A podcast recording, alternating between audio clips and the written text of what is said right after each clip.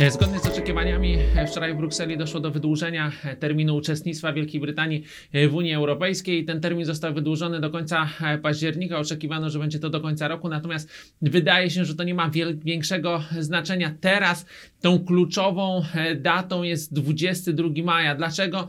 Dlatego, że jeżeli e, do tego czasu Izba Gmin nie przyjmie e, umowy wyjściowej e, z Unii Europejskiej, nie dojdzie do tego porozumienia premier May z opozycją, to wtedy Brytyjczycy będą musieli brać udział w wyborach do Parlamentu Europejskiego, a to kreuje całą masę różnej, różnego rodzaju niepewności. Niepewności związanej przede wszystkim z losem rządu premier Teresy May. Ona nie dostarczyła, nie dowiozła e, tego e, Brexitu znacznego, znacznej opozycji e, części eurosceptycznych torysów. Również nie wiadomo, jak zachowa się społeczeństwo, czy bardziej ustawi się pro-brexitowo, czy też wręcz przeciwnie, czy będzie chciało odwołania Brexitu.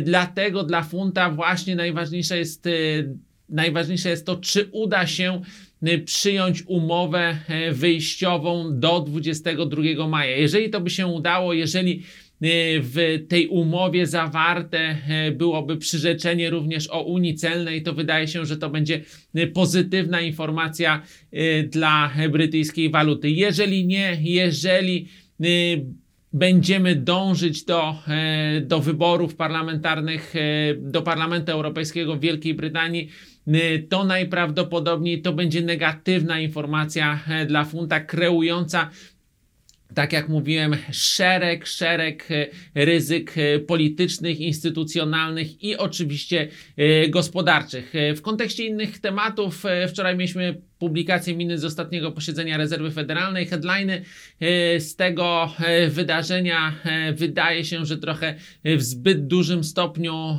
skupiły się na możliwości przez części członków rozważenia obniżki stóp procentowych. Ta szansa wydaje się być ograniczona. Zresztą nie mieliśmy reakcji na rynku instrumentów dłużnych, tak jak na przykład mieliśmy reakcję po niższych od oczekiwań danych o inflacji w Stanach Zjednoczonych wczoraj po południu. Także raczej miny były e, neutralne, e, natomiast dolar pozostaje e, dość słaby i raczej jest to efekt właśnie niskiej presji inflacyjnej niż publikacji wczorajszych miniec. W kontekście e, złotego cały czas mamy stabilizację, okolice 4,28 na europele, minimalnie powyżej nawet.